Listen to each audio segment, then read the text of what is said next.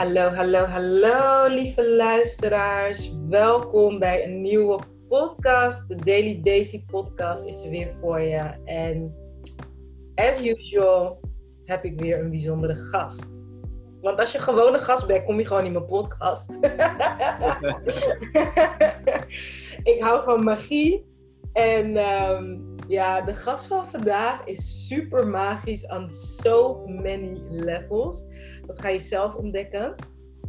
Maar voordat ik uh, deze bijzondere man aan jullie ga voorstellen, wil ik eigenlijk vertellen hoe bijzonder onze ontmoeting was. Dat heb ik eigenlijk uh, nog nooit verteld.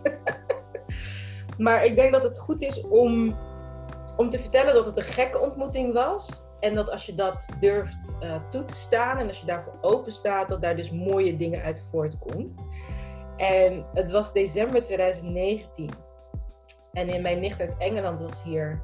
En zij wilde altijd leuke dingen doen. Dit keer wilde ze naar de sauna. En ik ben met haar naar de sauna gegaan. En daar waren twee mannen die besloten om te gaan zingen in de sauna. Like, Willy, mensen komen hier voor rust en jullie gaan zingen? Wat? maar het was zo mooi. Ik weet niet wat ze hebben gezongen. Het was in een taal die ik niet per se begreep. Een beetje Nederlands, een beetje Spaans of zo. En, maar ik voelde aan alles dat het gospel-energie in zich had. Want terwijl zij aan het zingen waren. Dit heb ik mijn gast zelf ook nog nooit verteld. Maar terwijl zij aan het zingen waren, kreeg ik het gevoel dat ik gewoon in direct contact stond met God gewoon. Ik had echt zoiets van, wow, ik voel me op zo'n hoge energie komen. En ik vroeg letterlijk aan God, oké, wat wilt u dat ik ontvang? Geef me wat ik mag ontvangen. En ik kreeg eigenlijk best een heftige boodschap door Daisy. Je hebt al zoveel ontvangen en je hebt al zoveel gevraagd. En alles wat je vraagt, geef ik je. Wanneer ga je er wat mee doen? Dat was het antwoord dat ik kreeg. Wauw. En die bijzondere man, die dus in de sauna aan het zingen was, is Remco van Maya Teachings. Welkom Remco. Dankjewel Daisy, wauw. mooi. Ja, vind je het mooi? Ja, mooi als je vertelde. Ja, je vertelde toen een tijd in de sauna, vertelde je al wat erover inderdaad. Maar mooi om dit zo weer terug te horen. En uh, dat wij ook nu hier uh, ja, tegenover elkaar zitten. Wel digitaal, maar uh, fijn ja. dat, dat dit eruit mocht voortkomen, zeg maar. Gek is dat, hè? Ja. Nou, wat er ook op dat moment gebeurde, nou, in de sauna dan, voelde ik me echt geraakt. En ik herkende de energie. Ik herkende van, hé, hey, dit zijn, ik noem dat artiesten. Artiesten zijn voor mij mensen die de, de energie vanuit het onzichtbare wereld, zeg maar, hier naartoe durven te brengen. Ja. Op eigen manier. Um, en ik voelde van, hé, hey, als, ik, als ik die mensen herken, wil ik ze even um, erkenning geven van, ik heb je gehoord, ik heb je gezien. Want ik weet hoe het is als je een boodschapper bent en je hebt geen idee waar je boodschap landt. Voelen mensen het, horen ze het, hebben ze er wat aan. Het is super eenzijdig. Het is een eenrichtingsverkeer. Dus ik vind het heel belangrijk altijd om die erkenning te geven. Dus ik ging ook gelijk naar jullie toe van, hé, hey, dat was echt mooi man. Weet je, zoiets zei ik toch? Weet je dat nog? Ja, ja, ja.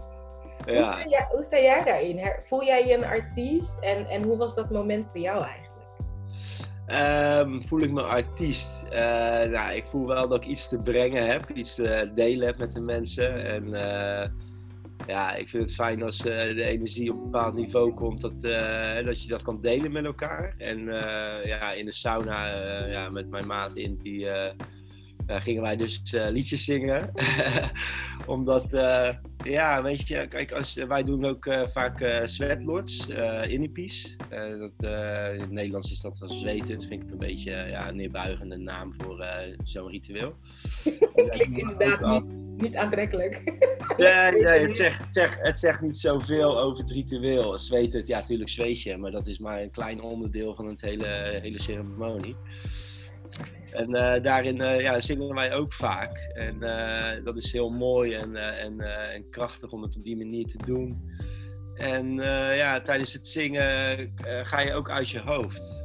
En ik denk dat veel mensen dat ook, ja, ook wel zoeken op een bepaalde manier. Om even uit je hoofd te gaan. En als je in de sauna zit, je gaat er vaak heen voor ontspanning.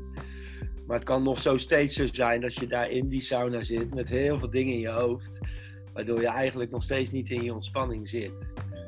En dat kan doorbroken worden door een verrassingseffect eigenlijk. En als er dan opeens uh, twee mannen in de sauna zitten en die vragen: oh, mogen wij een liedje zingen? Dat is een verrassingseffect. Daarin wordt jouw uh, uh, controlesysteem even onderuit gehaald. En voor je het weet zit je mee te zingen. en dan ben je uit je hoofd en in het moment. En dat is heel mooi. Wauw, super. Nou ja, dit is dus echt een heerlijk verrassende introductie. um, Remco van der Stij, Maya Teachings, uh, daar ben je de oprichter van. Je bent, je bent de Maya Teacher. Je organiseert uh, uh, ceremonies, rituele teachings. Je geeft één op één cursussen, omdat je de, wat jij noemt, de, hè, de oerwijsheid wilt delen met de wereld. Ja. Um, ja, vertel eens even, als iemand tegen jou zegt wie is Remco? Ik bedoel, dat is de vraag, vind ik. Kan je eigenlijk niet beantwoorden, want wie ben je nou? Maar wat, wat is jouw aardse antwoord op de vraag wie ben je? Ja, dat vind ik een hele mooie vraag ook. Uh, wie ben ik? En uh, ik, denk, uh, ja, ik denk dat ik vanaf kinds af aan al een antwoord zocht op die vraag. Hè? Want vaak als mensen vragen wie ben je, dan zeggen je ja, ik ben Remco maar dat is je naam. En dan, uh, ja, wie ben je? Dan zeggen ze vaak je een beroep. Ja, dat doe je. Maar dan ben je nog steeds niet bij dat het antwoord op wie ben je. Ja. En van kinds af aan heb ik eigenlijk die levensvraag van wie ben ik en wie zijn wij en waar gaan we naartoe die vragen, ja, die zijn eigenlijk als kind altijd heel erg bij me geweest.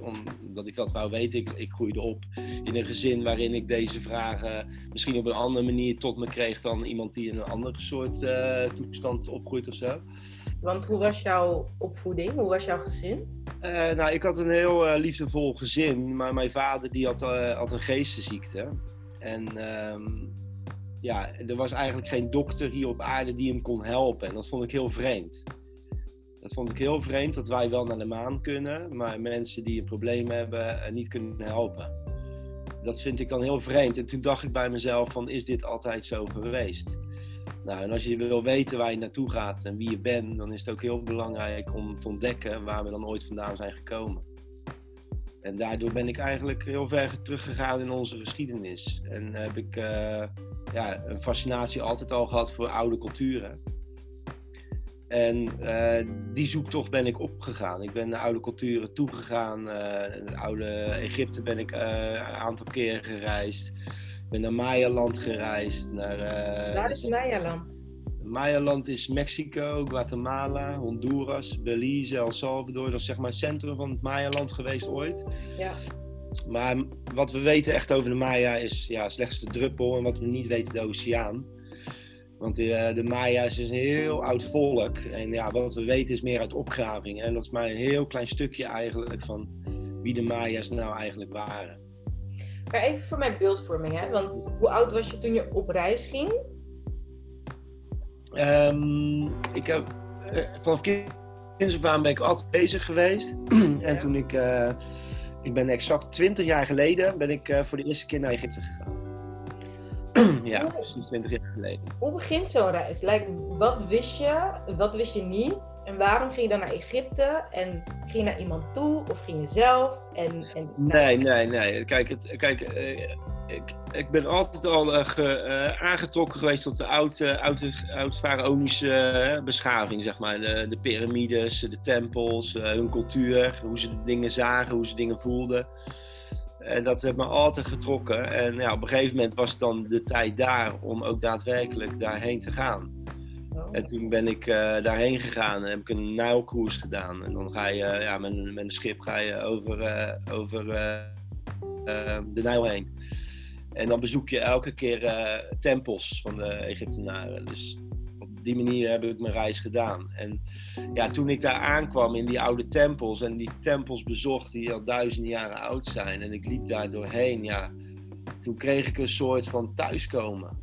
Dat gevoel dat je, ja, dat er is, ja, ik, word er een beetje emotioneel van, maar dat er een soort last van je afvalt van dat je voelt van, zie je, het kan wel. Het kan wel anders dan hoe wij het nu met, met elkaar allemaal hebben gecreëerd een hele, eh, de, faraonische verzamelen was een totaal andere beleving van deze werkelijkheid dan dat wij met z'n allen vandaag de dag ervaren.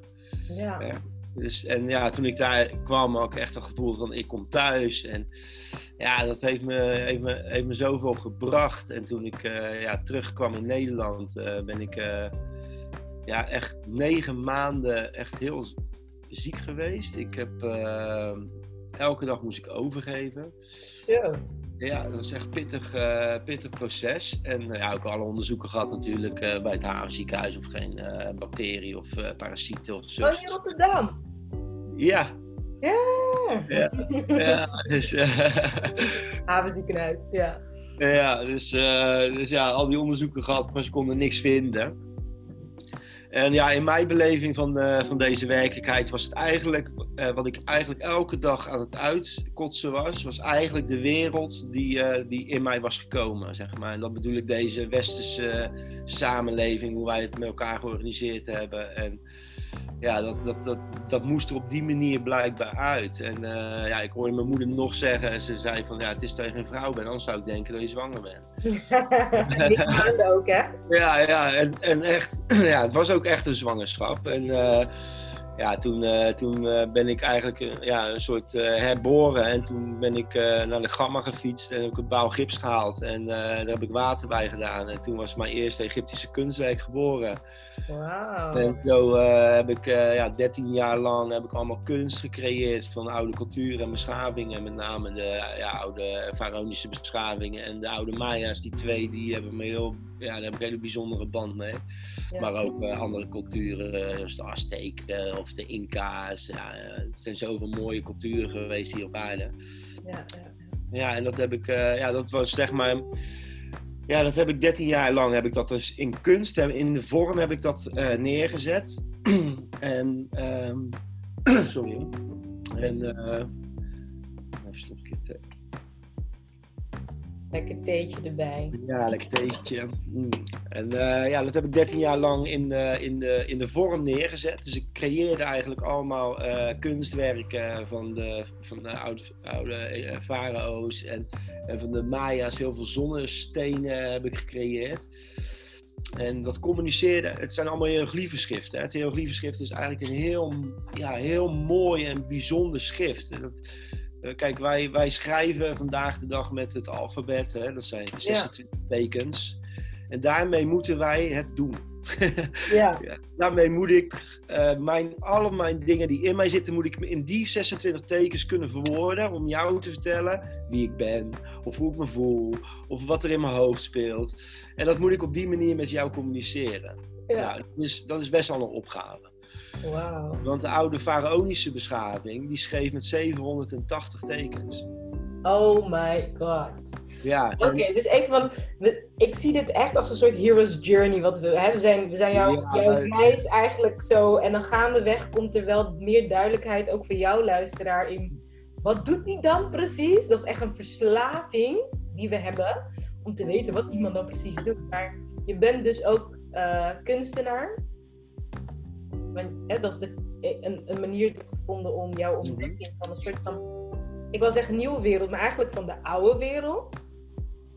Dat je dat dus door kunst ook weer terugbrengt. Ja, ja. En, en wat is er na die 13 jaar gebeurd? Ja. Nou ja, ik heb zeg maar die 13 jaar heb ik die kunst gecreëerd. En in die 13 jaar eh, gingen natuurlijk ook heel veel mensen aan mij vragen van eh, Remco, wil je niet wat over vertellen? Ja, en, en toen kwam mijn grootste angst naar voren. En dat is? Nou, dat is onder andere spreken in het openbaar. Oh, wauw. Ja. Dus ik had zoiets. Dus ik had zoiets van, dat ga ik dus niet doen. Mooi. Mooi niet, maar daar dacht Spirit dus anders over. en wat is het- ja, Spirit, eh, de grote geest, eh, de bron, eh, de schepping, eh, de creatiekracht. eh, degene die ons eh, alle eh, ja, eh, hier gebracht heeft, zeg maar. Ja. Dat noem ik, het, voor mij is God niet een persoon of zo. Voor mij is eh, God echt eh, ja, alles wat wij eh, kunnen waarnemen. En eh, alles wat groeit en bloeit. ja, mooi. En ook eh, de onzichtbare wereld natuurlijk, maar alles wat. eh, ja. Dus eh, ja, die dacht er anders over. Ja, en op een gegeven moment ben ik dus eh, lezingen gaan verzorgen. Wauw. En eh, ben ik gaan vertellen over, ja, over, voornamelijk over de Maya-tijd. Want ja, we hebben allemaal een concept in ons, in ons hoofd zitten wat tijd wel of niet zou zijn. En we doen ja, tijd bemeten op bepaalde manieren zoals ons geleerd is. Maar de Maya's, die waren echt werkelijk de tijdbewaarders van moeder aarde. Er is geen beschaving hier op aarde geweest die eh, betere of accurate kalendersystemen heeft ontwikkeld of nagelaten dan de Maya's. Oh, en dat is zo bijzonder. En eh, ja, dat is eigenlijk nog steeds, het is nog, nog steeds wetenschappelijk onverklaarbaar hoe de Maya's tot zulke verbluffende resultaten zijn gekomen. Dat Maar- is, Oké, voordat ik... Ik heb even vragen over mij en die kalender. Maar even terug naar jou. Like, hoe was je eerste lezing? Ik bedoel, je gaat nu ineens van... Ja, dan ga ik vertellen, vertellen. Maar hoe was dat? Like, je stond daar ineens. What happened? ja, dat was, eh, dat was echt, eh, ja, ehm, ja, natuurlijk eh, heel veel angst in het begin. Maar weet je, op een gegeven moment sta je daar en ja, ik voel dat ik een missie heb. En die missie is belangrijker dan mijn eigen tekortkoming of mijn eigen... Ja, en, en op een gegeven moment sta je daar en dan zit je in die energie en dan, ja, weet je, dan komt die en dan, dan komt die informatie en dan, weet je, dan ben ik gewoon helemaal, dan ben ik gewoon het doorgeefluik van wat er nu naar buiten moet komen en dan doe ik dat en dan, ja, dan heb ik het gedaan en dan, eh, oké, ja, en dan, eh, ja, ja, bijzonder hoe dat werkt. En nog, hè, nog eh, die angst zit er nog steeds. Hè. Het is niet zo dat hij dan weg is. Hè. Het is nog steeds elke keer als je bijvoorbeeld ergens wordt uitgenodigd om iets te gaan vertellen, dan zit nog steeds die Ja. angst. Hè. Dat weet ik. En, eh, en- ja, ja, ik denk dat.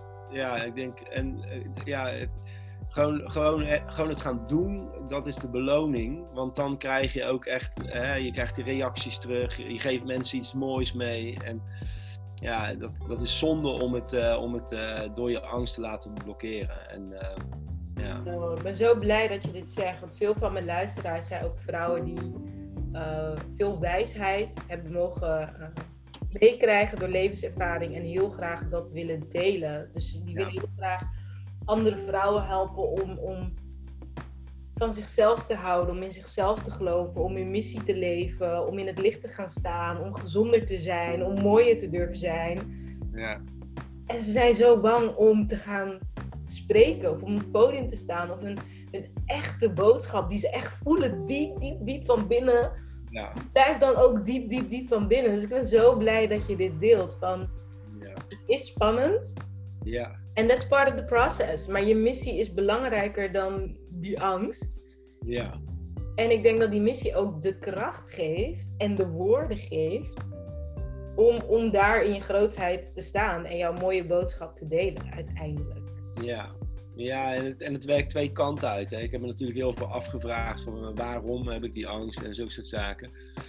Maar ehm, ja, niks, niks is goed of slecht alleen maar. Weet je, het heeft allebei die twee kanten van die medaille. En ja, door die angst eh, ben je ook ehm, eh, bijvoorbeeld. Dan word je ook niet zo arrogant, bijvoorbeeld. Weet je, dat houdt je helemaal tegen, want je wordt heel nederig, omdat je, je, hè, je voelt die angst. En als jij die angst niet zou hebben, dan sta je daar, pa, pa, pa, en de hele verhalen. En dan komt die boodschap ook niet meer over.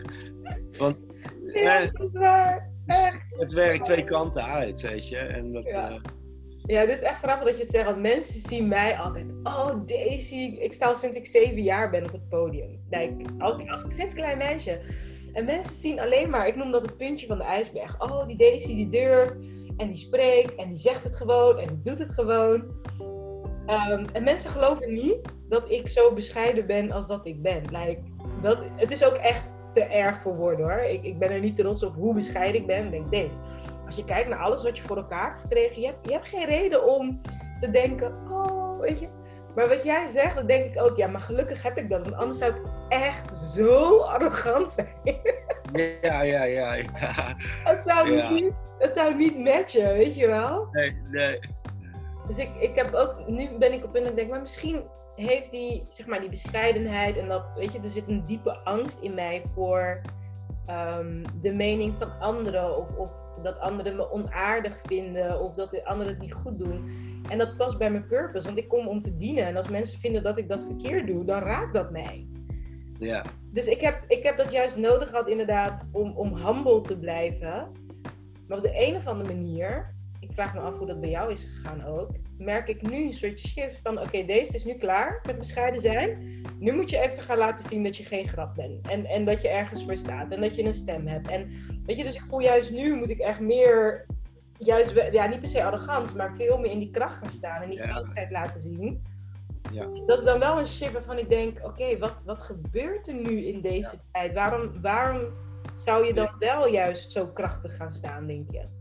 Heb nou, jij ja, dat meegemaakt? Absoluut, is heel herkenbaar wat je nu vertelt. Is heel herkenbaar. En uh, hoe ik het zie, uh, ja, ik hou me natuurlijk met die oude culturen bezig. Ja, die, die, vertellen ons over, uh, bijvoorbeeld de Maya's, die vertellen, tijd is cyclisch. Laten we daar eens mee beginnen. Tijd is cyclisch, tijd is niet lineair. En ons wordt geleerd dat tijd lineair is. Maar tijd is cyclisch en elke keer komt er op een bepaald punt, hè, komt het weer samen. En nu is die tijd waarin heel veel punten samen zijn gekomen. En de boodschap daarin is onder andere: ga in je kracht staan. Ga de dingen doen waarvoor je gekomen bent. De tijd van achterover zitten is eigenlijk voorbij. We zijn hier gekomen met een purpose. En ga ervoor staan. Ga het doen. En die boodschap die kreeg ik ook heel sterk door. En sinds die lockdown ben ik ook veel meer naar buiten getreden. Van nu, nu, Remco, nu ga je gewoon doen wat mensen ook van je vinden, wat mensen ook van je denken. Vertel je eigen waarheid. Het is zo belangrijk om je eigen waarheid te delen aan deze wereld. Want er zijn op dit moment zijn er 7 miljard werelden op deze aarde. Want iedereen heeft zijn eigen wereld. Ja, ja, ja. Oh, wauw. Oké. Zo, hoe zag 1 januari 2020 er voor jou uit? Waar stond jij toen in je aardse leven? Oei. Ja. ja, waar stond ik toen in mijn aardse leven? Um, nou, um, ja, pittig. Ik, ik ben, uh, ik ben uh, afgelopen, ik noem het even, de, af, uh, de donkere nacht van de ziel.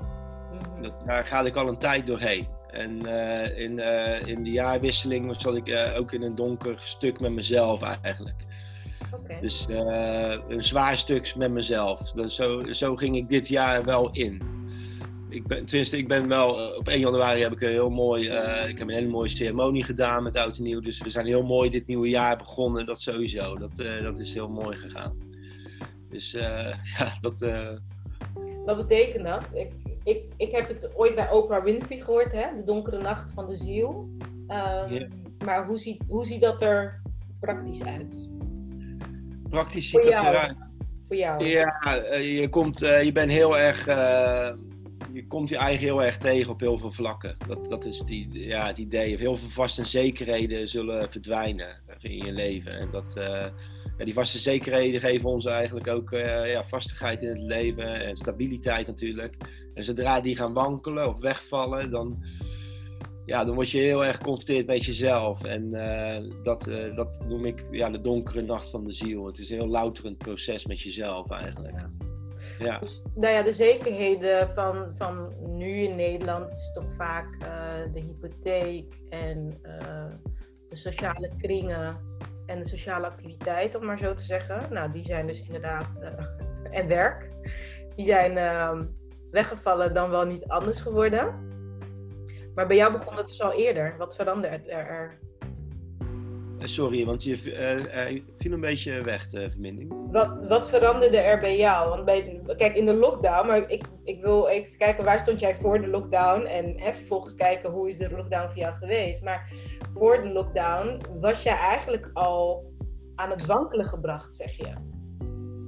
Klopt, en daar ben ik ook heel dankbaar voor. Ja. Ik ben heel dankbaar voor dat het eerder gebeurde dan de lockdown. En, ik, en het, het, voelt een beetje alsof ik eerder onderuit gehaald werd dan de rest van Nederland. dat idee. Ja, nou ja, nog één dat. Dat, uh, ja, ja, ik ben twee jaar geleden. Om bij mij was het, ik kwam tegen overspannenheid en depressie aan. Waar ben jij tegen aangelopen? Nou, inderdaad, ook uh, depressie en uh, angst. Angst, stoor, veel angsten, veel paniekaanvallen, zulke dingen. Ja. Ja, ik hoor dat vaker, weet je dat? ik hoor steeds vaker mensen die, die met mij delen dat ze uh, last hebben van angststoornissen. Mensen die last hebben van paniekaanvallen, midden in de nacht wakker worden, zorgen maken over waar gaat het heen. Dat is nu natuurlijk heel erg versterkt door uh, de COVID-19 uh, situatie, om maar even heel te zeggen. Ehm, dus jij, jij liep daar tegenaan al, al begin van het jaar. Ja. Veranderde daardoor ook jouw, jouw werk of gezinssituatie? Jazeker, ja. Ik, uh, ik ben uh, daardoor thuis komen te zitten van mijn werk, ja. En die tijd heb ik ook echt uh, nodig om, om, ja, om, om mezelf weer, ja, weer present te maken. Voor mezelf weer te bekrachtigen. Om tijd voor mezelf te nemen. Gewoon even... Ik werd er gewoon even uitgetrokken van Remco, het is goed zo. Je komt nu even bij jezelf neer. En woon je alleen? Heb je een gezin? Hoe ziet jouw thuis eruit? Ik, uh, ik woon alleen en uh, dat is mijn uh, thuissituatie. ja, ja. Het is ook een gezin, hè? Alleen zijn? Ja, het is een eenpersoonsgezin. Het is stil oh, okay. ja, ja, dat is... Vind, ik, vind ik. Ja, ja, zeker, ja. Wat mooi. Wat mooi dat je al thuis gezet werd Volgens mij horen jullie mijn wasmachine. Maar dit is Daily Daisy podcast, real life dingen. ja, dat was drijft. dat was dus, uh, ja, de wasmachine. Maar um, de, jij werd thuis gezet. De hele wereld werd vervolgens thuis gezet. Ja, ja. En daardoor, tenminste dat is eigenlijk een vraag. Had jij, omdat je al thuis gezet was, daardoor wat kracht om mensen te gaan bemoedigen in die periode? Klopt, ja, zo voelt het voor mij zeker. Ja. Dat ik uh, eerder uh, thuis heb, zodat ik alvast een beetje kon voorbereiden op wat er ging komen. En uh, dat voelt voor mij echt zo. Want voor mij staat eigenlijk niets los van elkaar. Hè. Ook dit virus wat nu is. Weet je, er staat niets los van elkaar. En we zijn gewoon in hele bijzondere tijden beland met, met, ons, met onze wereld, met onze tijd. En ja, dit, dit, dit is allemaal ja, part of het proces. En we gaan eigenlijk, noem ik het zo, eigenlijk gaat nou heel de wereld door een shamanistische dood heen. Ja, dat is mijn volgende vraag. Want we zijn natuurlijk nog steeds soort aan het onderzoeken wat je allemaal doet, hè? Ja. Ben jij ook een shamaan? Is dat, is dat een... Ja, zo, zo zou ik mezelf nooit uh, noemen. Mm -hmm. ik ben wel altijd... Uh, met shamanisme uh, bezig geweest. En um, ja, um, ja, dat heeft altijd mijn shamanisme is iets heel moois, uh, vind ik. En um, ja, dat, dat, is altijd wel op mijn pad geweest, op wat voor manier dan ook. En als je kijkt eigenlijk naar uh, de oud-Faraonische beschaving, of de Maya-beschaving, of de Inca-beschaving, of eigenlijk, ja, je kan, je kan eindeloos doorgaan, maar dat waren eigenlijk allemaal shamanistische culturen. Ja. En dat resoneert veel meer met mij dan deze wereld waarin we ja, een materialistische samenleving, wetenschappelijk materialistische samenleving zijn geworden. Wat is het grootste verschil tussen een shamanistische wereld en een niet-shamanistische wereld? Nou, eh, dat zal ik even een klein beetje uit, uitduiden waar shamanisme dan eigenlijk vandaan is gekomen. Ik vind het altijd belangrijk om de oorsprong van dingen uh, te vinden. Hè? Want dan kom je bij, de, bij, de, bij, bij hetgeen wat het is. Ja. En van daaruit waai je het uit in allerlei verschillende vormen. Hè? Dus, als je naar iets kijkt, dan kan je afvragen van hoe is dit hier ooit gekomen? En als je dan teruggaat, dan ga je het als een ui helemaal afpellen. En dan kom je bij de kern. Oh, wauw. Ja, dat is, dat is datgene waaruit het is voortgekomen. Nou, ooit in tijd waren mensen animistisch. en animistisch komt van het uh, Latijnse woord anima af. En anima betekent ziel.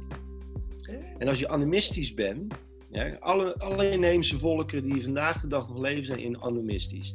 En die mensen die voelen zich geen gescheidenheid van hun omgeving, maar die voelen zich een onderdeel van hun, van hun omgeving.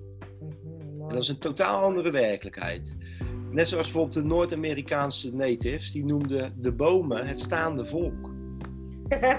Prachtig. ze zijn niet anders dan ons, want alles is bewustzijn. Ja. Hè? En, en, en de Maya's noemden de bomen zelfs een bloedbroeders. Letterlijk een bloedbroeders. Want wat de bomen uitademen, ademen wij weer in. En wat wij uitademen, ademen de bomen weer in. Dat is eigenlijk de synergie van het leven. Mooi. En zonder de bomen zijn wij hier niet. En, en zo waren die volkeren, die waren verbonden eigenlijk. Hè? Kijk, in de oude uh, Europese cultuur was de eik heilig. De bomen waren heilig. Weet je, en, oh, en wat is heilig? Dat is ook zoiets moois. Dat is eigenlijk ook eigenlijk helemaal ontkracht in onze tijd. Want heilig komt eigenlijk van heel zijn af. Oh, mooi. alles wat heel is, wat puur is, wat zuiver is, is heilig. Jij bent heilig, ik ben heilig. Eh, de bomen, de planten, de dieren, de lucht, de zon, de maan. En alles is een onderdeel van onszelf. Want wij, wij, wij zijn niet los van deze aarde. Wij, wij zijn een onderdeel van deze aarde. Zou dat het grootste verschil zijn? Dat, dat shamanisme uh, gaat over dat je bewust bent dat je onderdeel bent van een groter geheel. Ja. En als je dat bewustzijn niet hebt, dan is dat dan niet shamanistisch, om het zo te zeggen? Of is dat een beetje te plat? Ja, maar als jij uh, daar van niet bewust bent, dan, dan, uh, dan ben je dus gescheiden van iets. Ja. En in het shamanisme is alles één. Alles is, komt voort uit die ene bron en alles is één. En um, um, door, door, door dat zo waar te nemen, daaruit is dus ooit shamanisme ontstaan. En shamanisme is eigenlijk werken met de energie om ons heen. Oh, dat is echt, echt interessant. Ja, en shamanisme, dat is de oudste, als je het over religies kunt praten, is dat de oudste religie op planeet aarde. We weten zelfs dat de Neandertalers, ja. de mensen die uh, zo'n 26.000 jaar geleden van deze aardbodem verdwenen, dat deze mensen ook al shamanisme deden. Ja, ken jij de Zuid-Afrikaanse filosofie Ubuntu? Nee. In, in Zuid-Afrika hebben ze uh, Ubuntu en dan zeggen ze ook Umtu Nugumtu Nugabantu. Ik ben omdat wij zijn. Ja. Het gaat dus over die, we zijn afhankelijk van elkaar. We leven Ja. in een systeem. Ja. En dat is een gevoel die ik persoonlijk altijd al heb gehad. Die eenheid is voor mij gewoon zoals ademen. Dat doe je gewoon, dat ben je gewoon. Ja. Maar het was wel bijzonder, want ik weet nog, was in februari 2010 hoorde ik eh, een vrouw uit Zuid-Afrika dus spreken, een Fundo. Ja. En zij vertelde dat dus. Van Ubuntu en één. En ik dacht, oh my god, ik heb hier nog nooit woorden voor gehoord. Like, ik weet dat het bestaat. Ik Ja. ben zelf katholiek opgevoed. Ja. En, en ik luister ook echt naar het woord. Ik ben heel gevoelig voor woorden. Ja. De energie die, die, die, die komt binnen of zo. Dus op een gegeven moment dacht ik, ja, maar dit is toch hou van je naaste zoals van jezelf. En, en nu hoor ik dat dat dus ook een shamanistisch iets is. Ja. Dus kan het ook zo zijn dat je dus gewoon, wat jij zegt, hè, de oorsprong is, we zijn heel. En dat is zeg maar op verschillende plekken met een andere benaming nog intact. Maar Ja. geven het een andere naam. Maar het, het gaat over, we zijn één heel systeem met z'n Ja. Ja, ja, in de Maya is er een groet en dat is Inlakes Alakin. En Inlakes betekent ik ben jou en jij bent een andere mij. En samen zijn we die ene.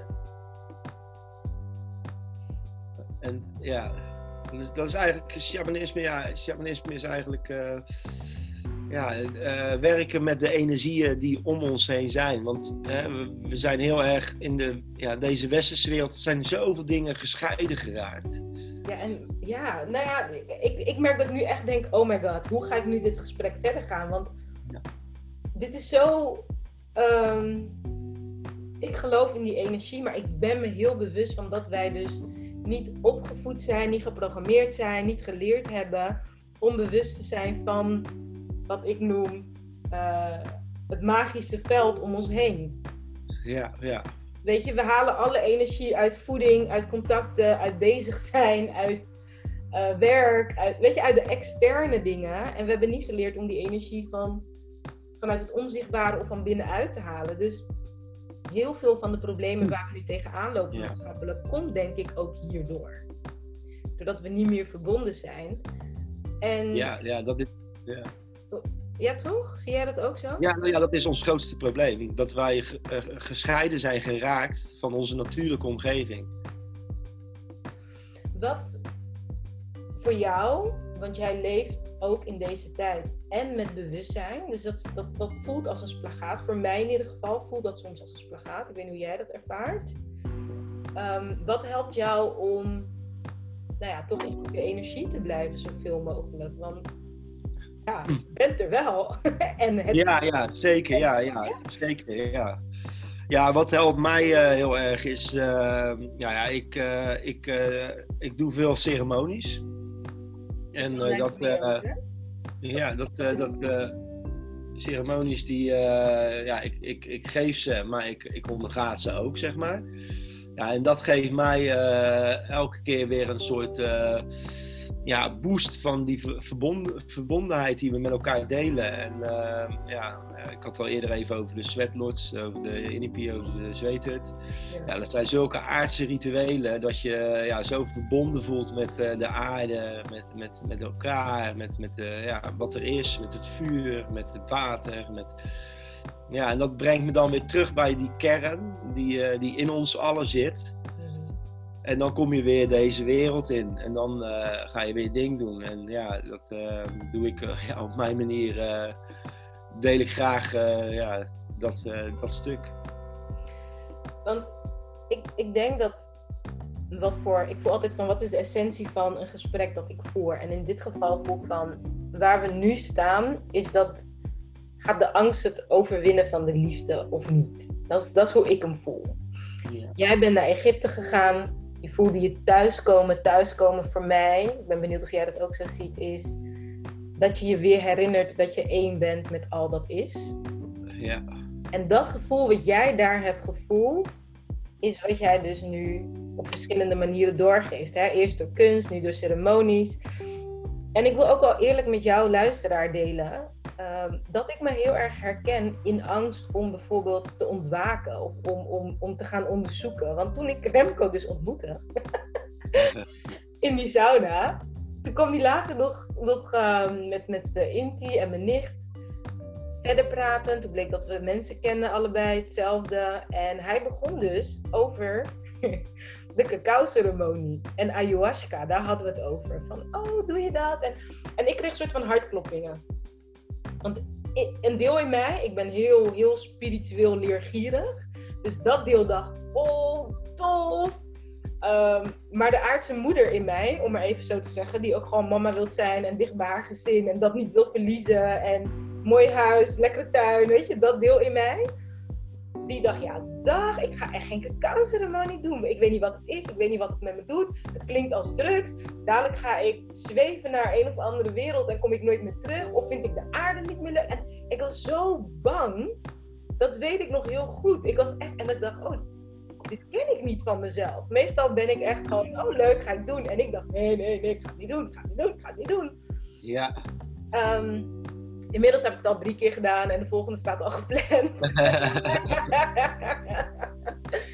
maar het was wel echt een beangstigend moment. En ik vraag me af van, weet je, want dat is wel waar we nu collectief staan.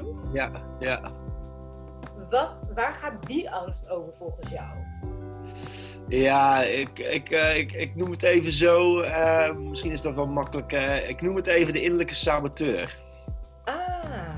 We hebben allemaal stukken in onszelf en we hebben ook een innerlijke saboteur. En deze saboteur die ziet er helemaal niets in in situaties waarin hij niet weet wat er gaat gebeuren, waarin hij misschien wel controle moet verliezen, waarin hij uh, uh, ja, ergens een soort mystery induikt. En die innerlijke saboteur die gaat gelijk alles verzinnen waarom je het beter niet kan doen.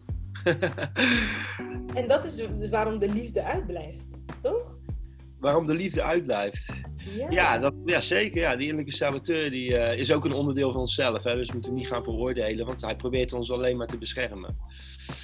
maar af en toe, uh, af en toe uh, is het gewoon van, moet je eigen zelf toespreken van innerlijke saboteur. Ik heb je gehoord. Uh, maar we gaan dit toch doen. en dan gaan we gaan kijken wat, uh, wat eruit mag komen. Je moet goed uh, ja, een onderscheid maken in je gevoel en in je angst. En vaak laten we door de angst voor de angst, gaan we heel vaak dingen niet doen. En ja, dat is zonde, denk ik. Is een, en nou ja, ik, ik kan me voorstellen dat sommige mensen denken, cacao-ceremonie wat?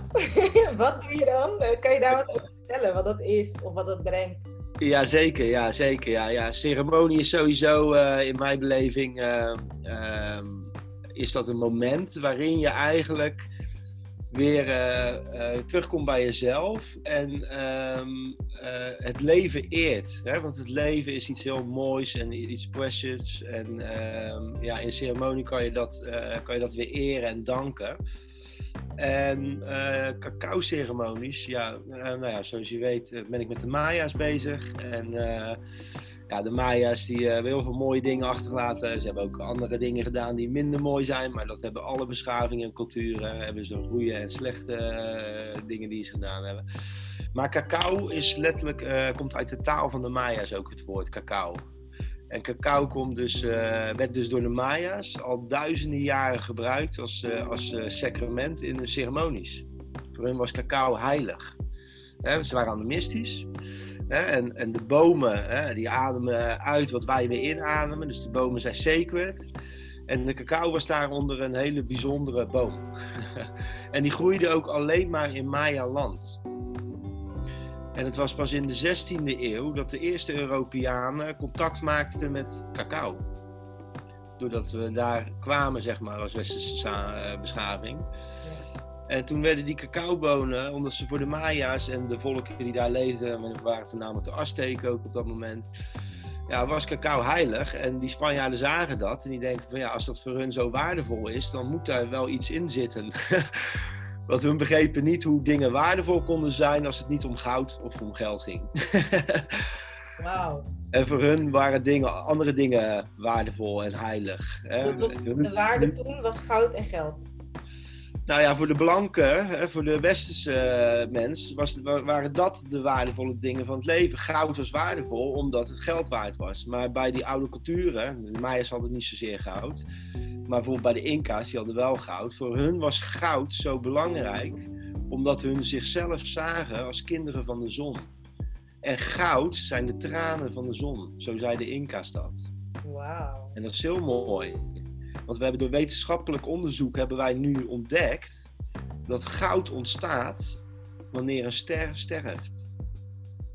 Really? Yes. En in zijn. Sterren? Ja, een, een ster is net zo goed leven. Als, kijk, animistisch, dat betekent dat alles ook leeft. Ja, ja. Dus de zon is net zoals jij en ik, die heeft een geboorte en die zal ooit sterven. De zon? Ja, de zon zal ooit sterven. Maak je geen zorgen, het duurt nog een paar miljard jaar. Maar onze zal... dat ben ik niet meer, denk ik. Nee, nee, nee. Maar uh, onze zon zal ook sterven ooit. En als Oh. die sterft, dan verandert hij of in een rode reus of in een pulsar. Maar in die, in die explosie waarin die dan sterft, creëert hij zoveel energie waardoor goud wordt, wordt gecreëerd. En die schiet hij als het ware de kosmos in. Oh. Dus al het goud dat wij dragen om onze vinger en onze oren is ooit een zon geweest. Ik draag de zon. Ja, All the time? Oh, wow. Ja. ja. Bijzonder. Ja, en daarvoor was het bijvoorbeeld voor hè, de farao's en voor de, voor de Inca's was goud een heel belangrijk. Het is ook een superkrachtig energetisch materiaal. Hè? Het is de beste geleider van energie. Hmm. En eh, ja, daarvoor was voor hun eh, heilig. En dat was bij de Maya's was onder andere de cacaoboon eh, ook echt heilig. Wauw. En ehm, ja, het is ook een medicijn, cacao. En dat zijn we eigenlijk vergeten, hè? want het is hier in het westen gekomen. Ja, toen was het bij de Spanjaarden, die hebben het nog wel iets van 100 jaar geheim gehouden. En toen eh, werd het alleen maar eh, gebruikt, cacao, in, eh, door de elite. Hè? De koningshuizen en door de rijke mensen konden cacao betalen. En die dronken dat dan, was heel chic. Een beetje cacao setje met een kannetje. En dan gaf je dat aan je, aan je, aan de- aan je bezoekers die bijkwamen. Dat was heel chic om dat te doen. Ja. En toen was het pas in de 19e eeuw dat de Nederlander, Casperus van Houten, dat is nog steeds chocolademerk, het geheim ontdekte hoe die vanuit die cacaobonen cacaomassa en boter kon halen. Ja. En toen duurde het nog tot 1868 na Christus dat een Zwitserse man, dat is ook nog steeds een chocolademerk, aan melk bijdeed. En toen werd de eerste chocoladereep geboren. Wauw. En toen duurde het nog heel lang voordat de normale burgers toegang kregen tot dit heilige goedje. Nou, en zo is chocola eigenlijk in onze wereld gekomen. En chocola, als je naar chocola kijken, Ja. als we bijvoorbeeld van iemand houden of we zijn verliefd op iemand, wat Ja. nemen we vaak mee? Chocola. Dus onbewust hebben we die informatie ergens nog. Ergens zit in ons celgeheugen zit dat al. Want cacao is een medicijn voor ons hart, letterlijk. En wij hebben er chocola van gemaakt. En dat is heel lekker. En eh, dat heeft de wereld veroverd. En eh, we kunnen geen wereld meer zonder voorstellen. Maar vandaag de dag beginnen we dus ook de geheimen van cacao te herontdekken. Want het behoort vandaag de dag tot een superfood. Mhm. Cacao bevat de meeste antioxidanten dan wat dan ook in ons planten- en bomenrijk. Nou, van antioxidanten weten we dat, hè, dat het ziektes tegenhoudt, kanker kan genezen. Nou, dat zit allemaal in cacao. Er zit ook een, een natuurlijk antidepressivum in cacao. Het, het, het, het verjongt letterlijk onze cellen. Het, het, het zorgt voor een goede bloedsomloop. Het eh, verhoogt onze libido. Het, er zitten zoveel stoffen in de cacao die goed voor ons zijn. Maar door er chocola van te maken, gaan de meeste van die stoffen verloren in het proces. en er wordt natuurlijk heel veel suiker bij gedaan. Ik zie dit in heel veel dingen. Ik, ik zie dat um, cacao was ooit heilig en is nu ja, een, een super gevormd iets, wat niet per se voedend is. Maar weet je waar ik dit ook in terug zie, door wat jij zegt? Uh, in taal. Weet je wat je net zei van, van 770 tekens naar 26 letters. Dus ik zie dat het heel erg afgezwakt en verkleind en beperkt wordt van wat het ooit van origine was. Waarin ik dat met die taal terugzie we gaan zo verder op de cacao hoor. Maar waar ik dat in de taal terugzie, is dat heel veel, wat ik zeg, uh, ja dat ook. En, en, en heel veel vrouwen die mij volgen, die, die hebben zo'n diep gevoel. Dus eigenlijk zijn ze nog heel erg verbonden met dat, met dat spirituele deel in hen. Maar ze weten niet hoe ze daar woorden aan moeten geven. En voor mij geeft dit een beetje aan waarom niet. Het is te beperkt. Het zijn twee totaal verschillende levels, om het maar zo te zeggen. Ja dat is het bewustzijn wat er nu bij mij binnenkomt, dat je dit van de cacao vertelt. Ja. Maar je hebt wel een soort van manier gevonden om toch nog de pure cacao hier in Rotterdam, want ik heb het gewoon hier in Rotterdam gedaan, toch cacao tot me te krijgen. Hoe is dat tot stand gekomen? Ja, ja nou, cacao, cacao is natuurlijk uh, nadat de, de Europeanen daar mee in contact zijn gekomen, is cacao uh, getransporteerd naar Afrika en Azië. Mhm. En daar komt nou de meeste cacao vandaan. En uh, cacao groeit alleen maar op die lengtegraad van moeder aarde. Dus vandaar dat, dat het daar groeit. Het kan niet daarboven of daaronder groeien. Cacao is een hele bijzondere boom. Eigenwijs ook, zoals ik het hoor. nou, dat is wel uh, mooi. Misschien niet alleen eigenwijs, maar heel sacred. Mooi. Daarom groeit hij alleen maar op, op de plekken waar deze hoort te groeien. Op aarde. Dus het is toen de Europeanen en met cacao, toen is naar Afrika en Azië vervoerd. En daar zijn nu hele grote plantages. Ik geloof dat uh, 70 of 80 procent komt zelfs uit Afrika tegenwoordig. Maar die cacao die dus daarheen ge, getransporteerd zijn, die is voornamelijk ontwikkeld, hè, der, verder ontwikkeld om een hoge opbrengst te creëren. Maar de cacao uit Maya-land, waar het oorspronkelijk vandaan komt, die is nog in haar puurste vorm. En die samenstelling van die cacao is ook anders dan de cacao eh, uit, uh, uit Afrika of uit uh, Azië. En um, die cacao die zeg maar uit Midden-Amerika komt, die, uh, ja, die bevat dan de, de hoogste theobromine. En dat is de werkende stof van cacao. Dat is ook interessant, hè, want de Latijnse naam van cacao, de wetenschappelijke Latijnse naam van cacao, is Theobroma cacao. En dat betekent letterlijk het voedsel van de goden. Dus we hebben hem wel begrepen. Hoe belangrijk het is. Wauw. Wel begrepen. En, uh, en uh, de cacao die ik dan uh, in de ceremonies gebruik, die komt uit de hooglanden van de Maya's. En dat is Guatemala. En daar wonen nog steeds Maya's natuurlijk. De Maya's zijn als beschaving natuurlijk verdwenen, maar als volk leven ze nog steeds. er leven ongeveer zo'n 9 miljoen zielen hier op moeder aarde die zich Maya mogen noemen. En de Maya's, dat, dat was een heel groot volk. Er worden 33 verschillende talen in het Maya gesproken. Wow.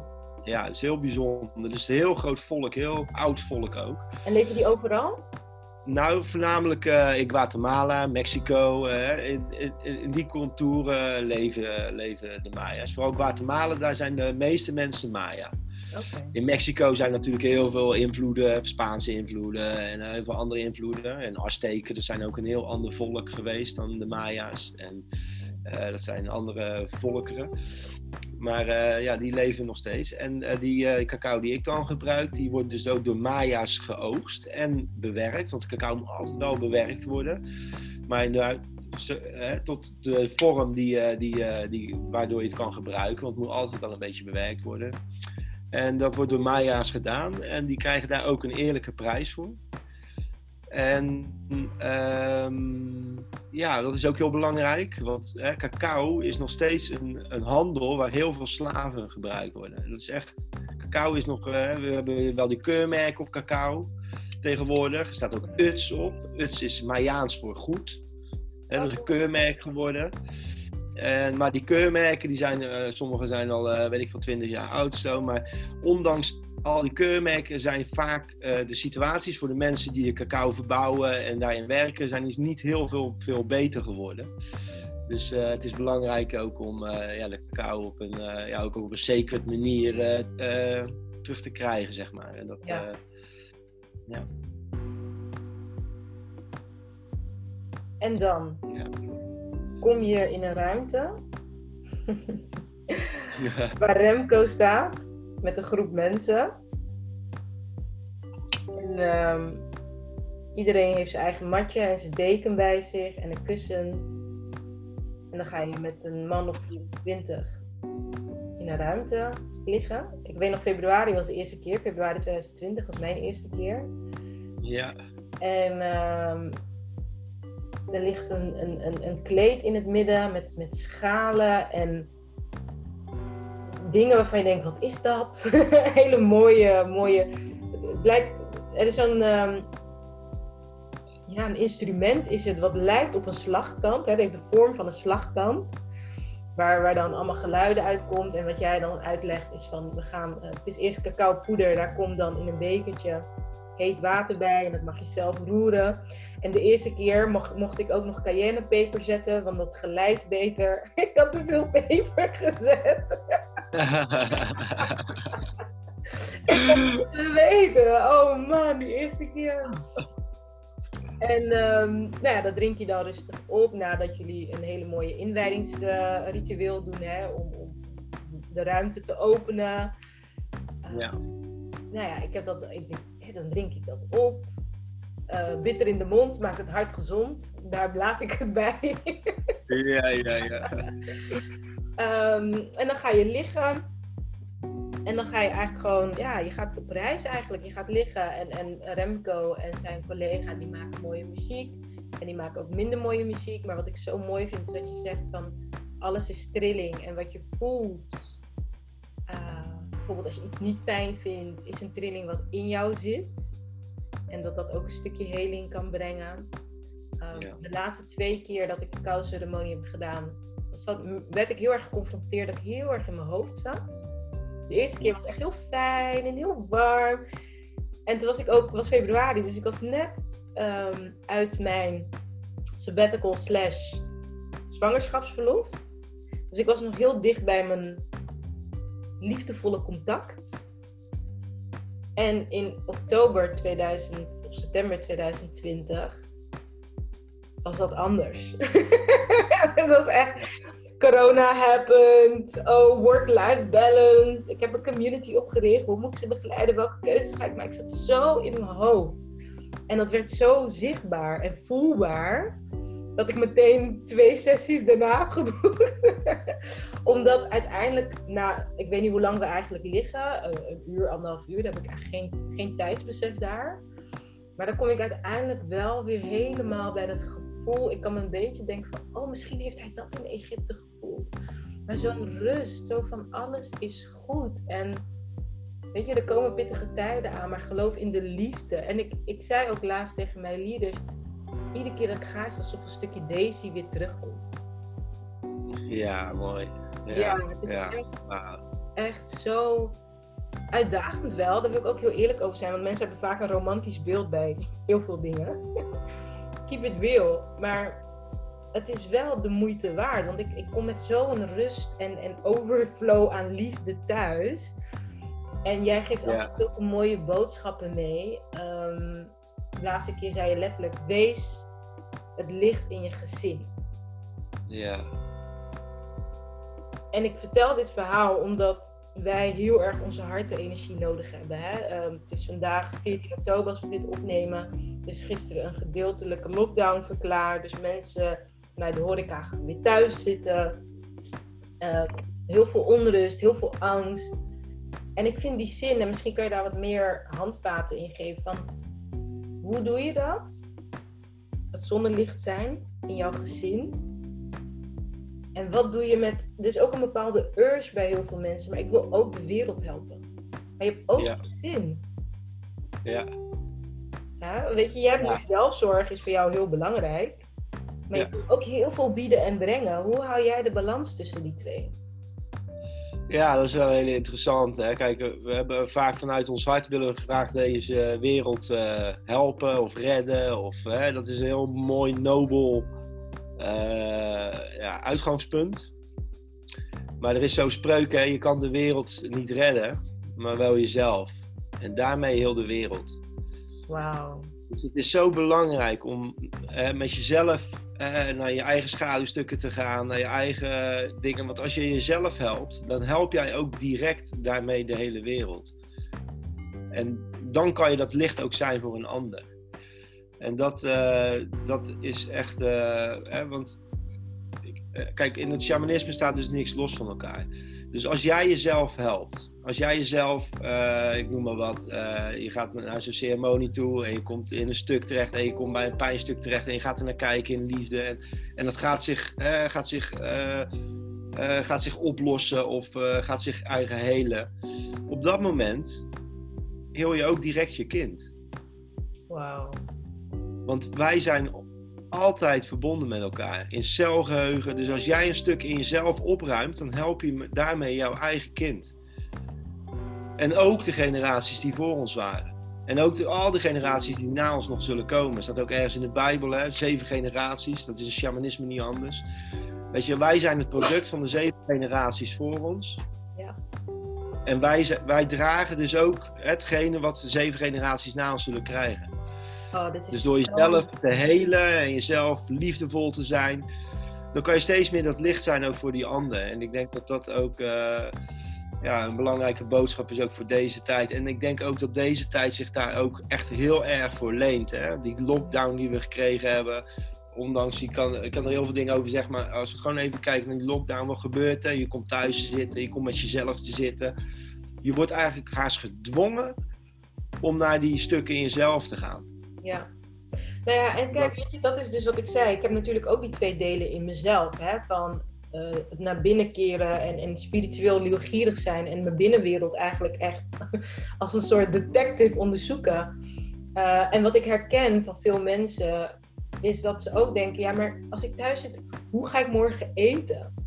Hè, dat is die zorg van het systeem waarin we leven, natuurlijk. Weet je? Dus heel veel mensen komen niet aan zichzelf toe, omdat ze zo druk bezig zijn met dat overleven en geld verdienen. Wat ja. ook terecht is, want anders moet je op straat thuis zijn. Hè? Dat, dat, dat snap ik ook. En het is zo een, het is een, het is een uitdagend speelveld. Wat is jouw visie daarop?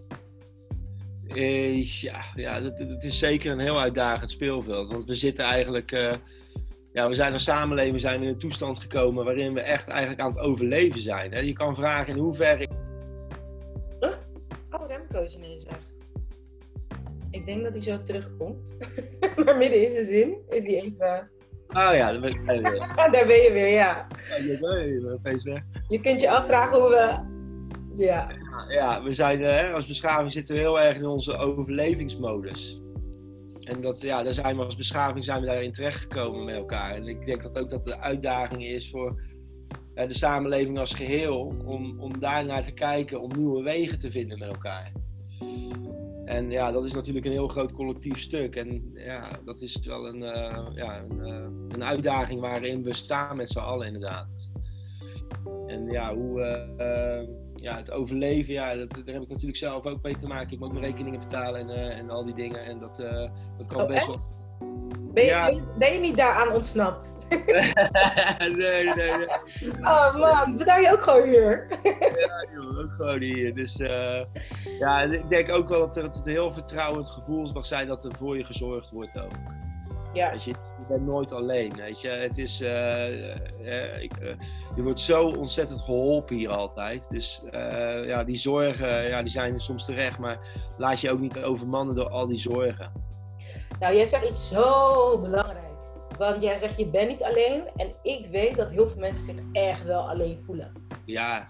En geen hulp durven vragen. En, en dat versterkt de overlevingsstand. Dus um, dat vertrouwen dat er voor je wordt gezorgd, terwijl jij, hè, ik, ik, ik, ik, ik um, bereik veel sterke vrouwen die het allemaal zelf wel kunnen rooien. Ja. Maar juist die houding, um, brengt ze verder weg van wat ze werkelijk willen voelen en ervaren.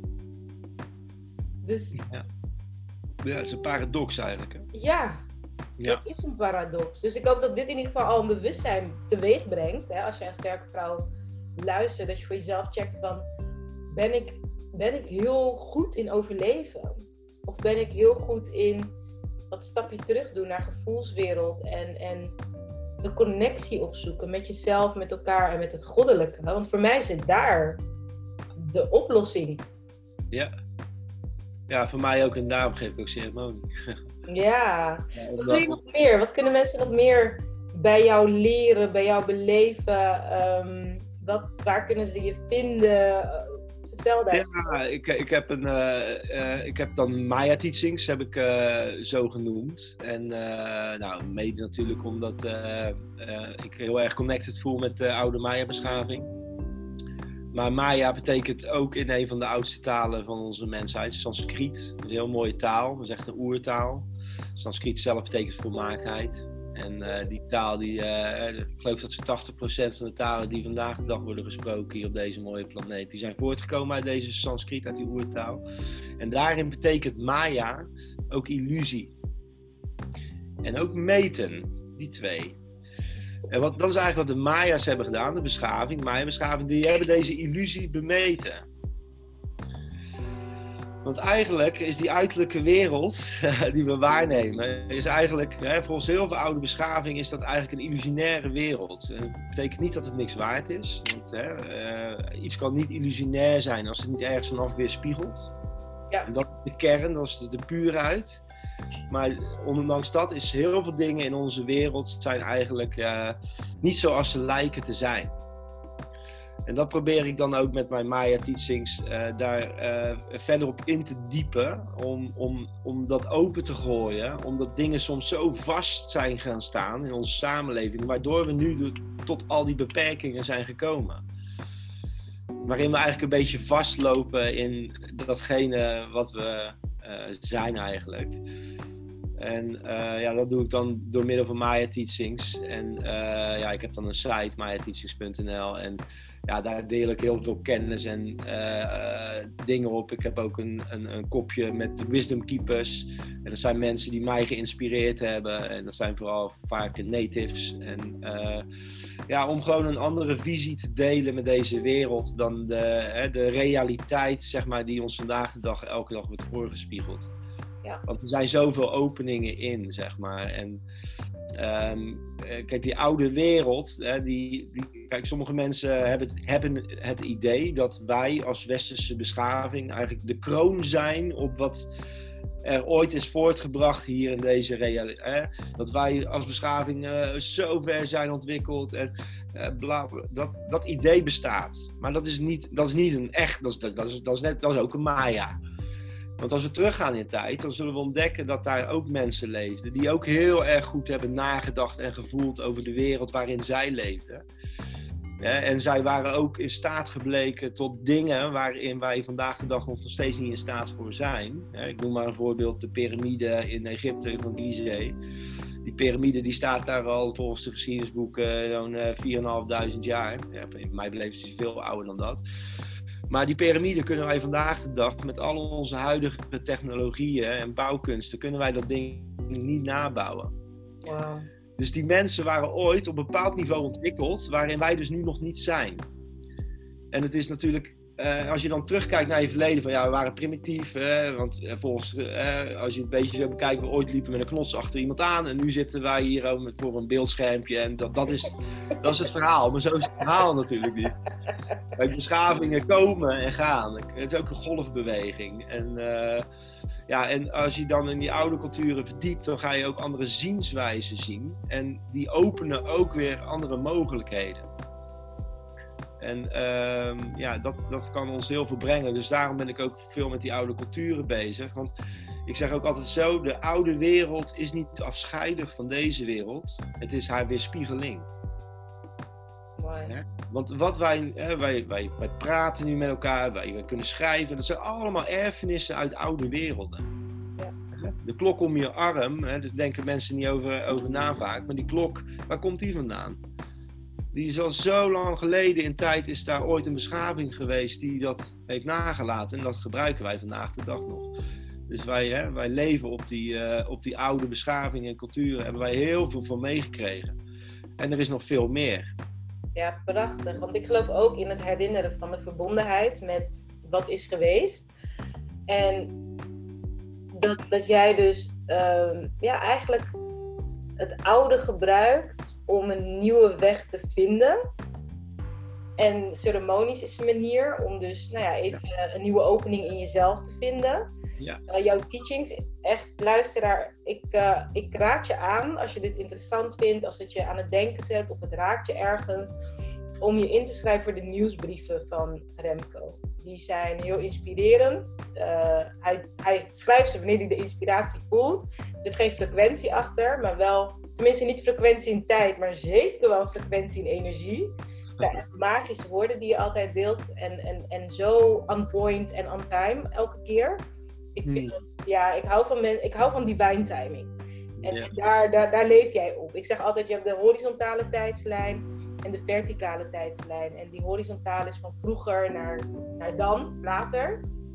En de verticale tijdslijn is nu. En het is eigenlijk altijd nu. Ook al ben je onderweg ergens naartoe. Je kan alleen maar daar zijn waar je nu bent. Iets anders bestaat niet. Nee. En dat, als die twee elkaar kruisen, krijg je dus die divine timing. En dat gaat over het volgen van je intuïtie en je hogere leiding en je wijsheid. En jij doet dat altijd gewoon. Ik denk, dus die nieuwsbrieven raad ik absoluut aan. Ehm, ja, die, die, die zijn echt fantastisch.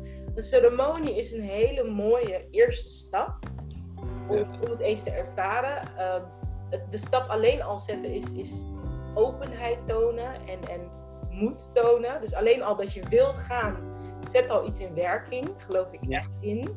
Ja. Uh, de volgende is in december, 4 december. Ja, ja, november ook, eentje december, maar die november zit al vol eigenlijk. Ja, precies, die zit al vol. Dus uh, in december is de volgende. En sowieso mayateachings.nl kan je alles zien van ja, wat deze magische man uh, doet. En ik vind het zo mooi, want net als ik ben gewoon een Rotterdammer. Um, jij, zijn je ouders oorspronkelijk Nederlandse? Ja, ja. Een oorspronkelijk Nederlands. Nou, je hebt wel een witte huiskleur, maar je hebt echt zo zwart haar. Dat ik echt denk van ja, je zou zomaar echt uit de Maya-tijd, zeg maar, geïncarneerd kunnen zijn. Dat voel ik me ook af en toe wel hoor. Ja, hè? Ja, Zo, dat, dat straal je ook uit met je lange haar en je baard. Zo denk ik, ja, echt zo'n uh, wijze man uitstraling. Maar ook gewoon dat Rotterdamse nuchtere. Weet je, wij zijn natuurlijk het niet lullen, maar poetsen. En uh, weet je, cut the crap. Dus ik vind die combinatie vind ik heerlijk verfrissend. Ja, ja, ja. ja. ja. Uh, maar daardoor denk ik ook van jou pittig. Want aan de ene kant kan je heel erg zweven en soms uh, met twee benen op, op een moeilijke aarde terechtkomen. En hè, uitdagingen in gezondheid en, en in je mentale gezondheid. En en ik vind het belangrijk dat we dat blijven delen met elkaar, want dan weet iedereen die luistert in ieder geval, je bent niet alleen. En die twee werelden bestaan gewoon naast elkaar. En houd ja. moed om door te gaan. Ja, ja zeker. Ja, ja zeker. Ja. Wat, wil jij nog delen? Wat is, er, is er nog iets waarvan je zegt, nou, deze ben jij aan de podcast, ik wil absoluut dit of dat nog gezegd hebben, voordat we uh, gaan ronden? Ja, nou, we hadden het net e- eventjes uh, over, over taal. Dat vind ik nog wel een interessante. Uh, weet je, de, de oude farao's en ook de Maya's die schreven met een hieroglyphe schrift. En de hieroglyphe schrift dat, is ooit zo genoemd door de oude Grieken. Die noemden dat hieroglyph. En die kwamen ooit lang geleden in Egypte aan. En ongeveer zo'n 300 voor Christus. En toen, toen eh, die oude Grieken waren ook heel intelligente eh, mensen. Hè. We gebruiken nog dagelijks een stof. Hè. Pythagoras, Plato, noem maar op, allemaal uh, Grieken. Maar die mannen die kwamen dus in dat oude Egypte terecht. en die ontmoetten daar die priesterklasse. En toen waren ze zo versteld eigenlijk van... Wauw, weet je. En toen hebben hun, hebben, wat hun schrift van de oude hebben hun hieroglyphen genoemd. En hero betekent oud voor heilig. En glyph betekent, is oud-Grieks voor schrift. Dus hun noemden het het Heilige Schrift. En de, de, oude Grieken schreven met 22 tekens in die tijd. Wij maar 26 nu. Maar wat is nou het verschil tussen die uh, hieroglyphenschrift en onschrift? is eigenlijk de woordtaal. De woordtaal is, eh, is anders dan een beeldtaal. Een beeldtaal is veel universeler. Een beeldtaal is ook veel voller. Een beeldtaal komt ook aan twee kanten van onze hersens binnen. Waarin het woordtaal alleen maar aan de rechterkant binnenkomt, waar ons systeemdenken denkt. En zo, zo ontwikkelen wij vooral die kant van onze hersenen. Maar beeldtaal, die komt eigenlijk aan twee kanten binnen. En dan kan je een voorbeeld noemen, bijvoorbeeld uh, als je langs de snelweg rijdt en je ziet zo'n uh, zo'n verkeersbord met een bed erop. Dat is eigenlijk een soort hieroglyphe taal.